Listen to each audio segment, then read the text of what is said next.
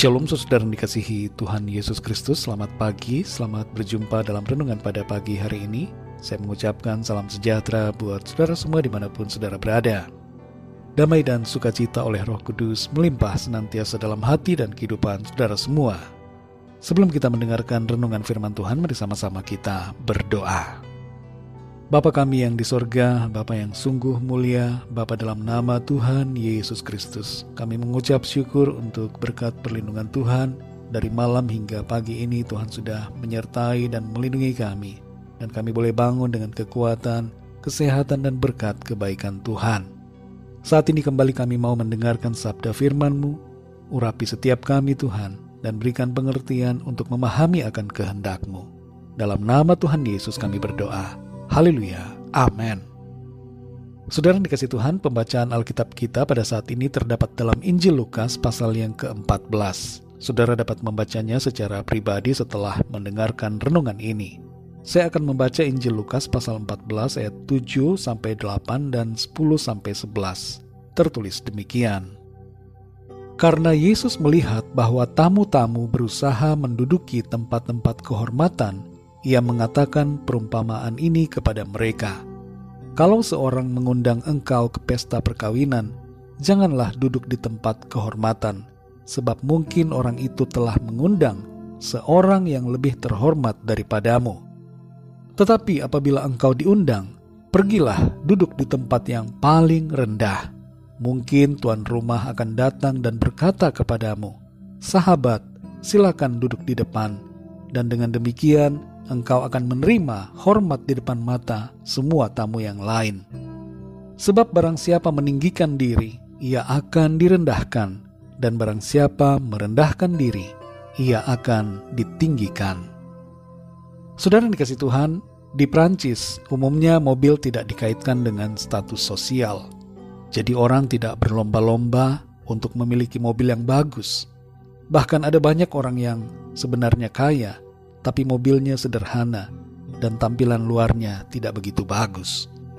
Berbeda dengan di beberapa negara lainnya, seperti misalnya di Indonesia, mobil dikorelasikan dengan status sosial, maka tidaklah heran bila memakai mobil yang jelek akan dipandang sebagai orang yang tidak punya.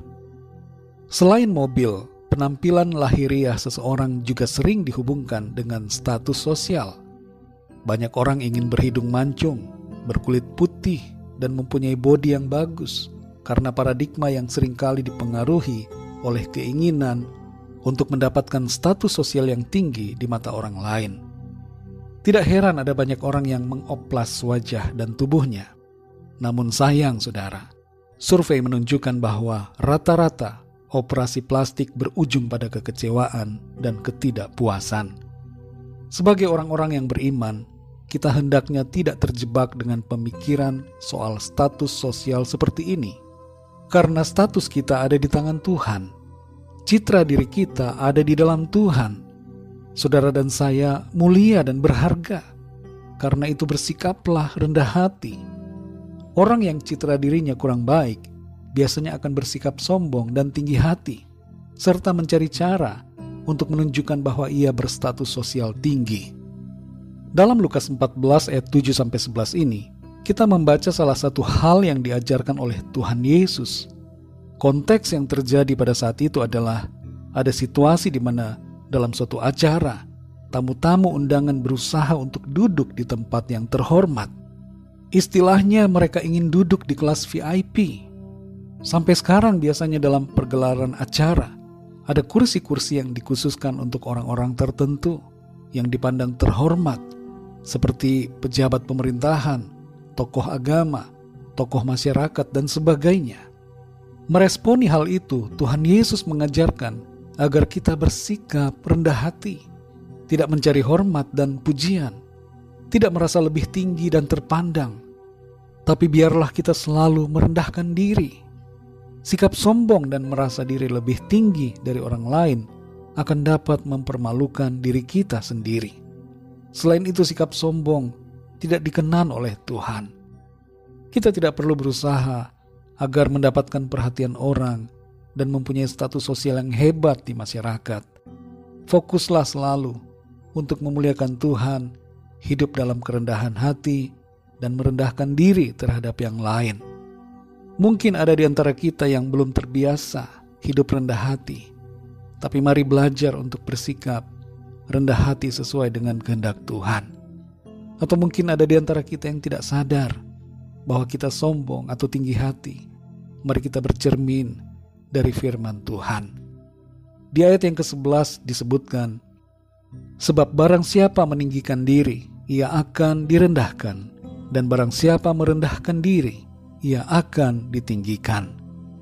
Tuhan Yesus sendiri telah memberi teladan merendahkan diri. Ia yang mulia rela jadi hina demi penebusan atas segala dosa kita. Mari saudara yang dikasih Tuhan, hidup rendah hati seperti Tuhan, karena status kita bukan di tangan manusia, tapi di tangan Tuhan. Mari kita berdoa.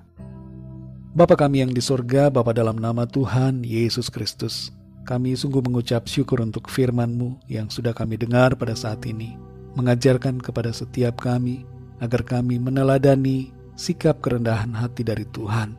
Engkau mengajar kami untuk rendah hati dan merendahkan diri kami. Status kami ada dalam tangan-Mu Tuhan. Kami ini berharga dan mulia, dikasihi oleh Tuhan. Kami tidak perlu mencari perhatian orang lain. Kami tidak perlu menunjukkan diri kami hebat, berprestasi, atau punya status sosial yang tinggi, sebab kami ini sungguh-sungguh berharga di matamu. Ajar kami Tuhan untuk selalu hidup dalam kerendahan hati dan tidak bersikap angkuh atau sombong terhadap orang lain. Pimpin kami terus ya Roh Kudus, supaya kehidupan kami senantiasa berkenan kepadamu. Pimpin kami Tuhan di sepanjang hari ini dalam segala aktivitas kami. Tuntun kami dengan hikmat-Mu ya Roh Kudus, dan buat kami berhasil, dan biarlah dalam semuanya nama Tuhan senantiasa kami muliakan. Kami berdoa bagi yang sedang sakit dan dalam pergumulan, agar Tuhan memberikan kesembuhan, kesehatan, dan nyatakan mujizat-Mu Tuhan. Jalan keluar Tuhan berikan. Kami berdoa untuk situasi dunia saat ini, berikanlah kedamaian dan keamanan. Kami juga mohon lawatan Tuhan atas setiap bangsa, agar semua orang dari segala bangsa percaya kepadamu Tuhan Yesus. Terima kasih Bapa. Dalam nama Tuhan Yesus Kristus, Tuhan dan Juru Selamat kami, kami sudah berdoa dan mengucap syukur. Haleluya. Amin. Tuhan Yesus memberkati saudara semua. Sampai jumpa dalam renungan yang berikutnya. Haleluya.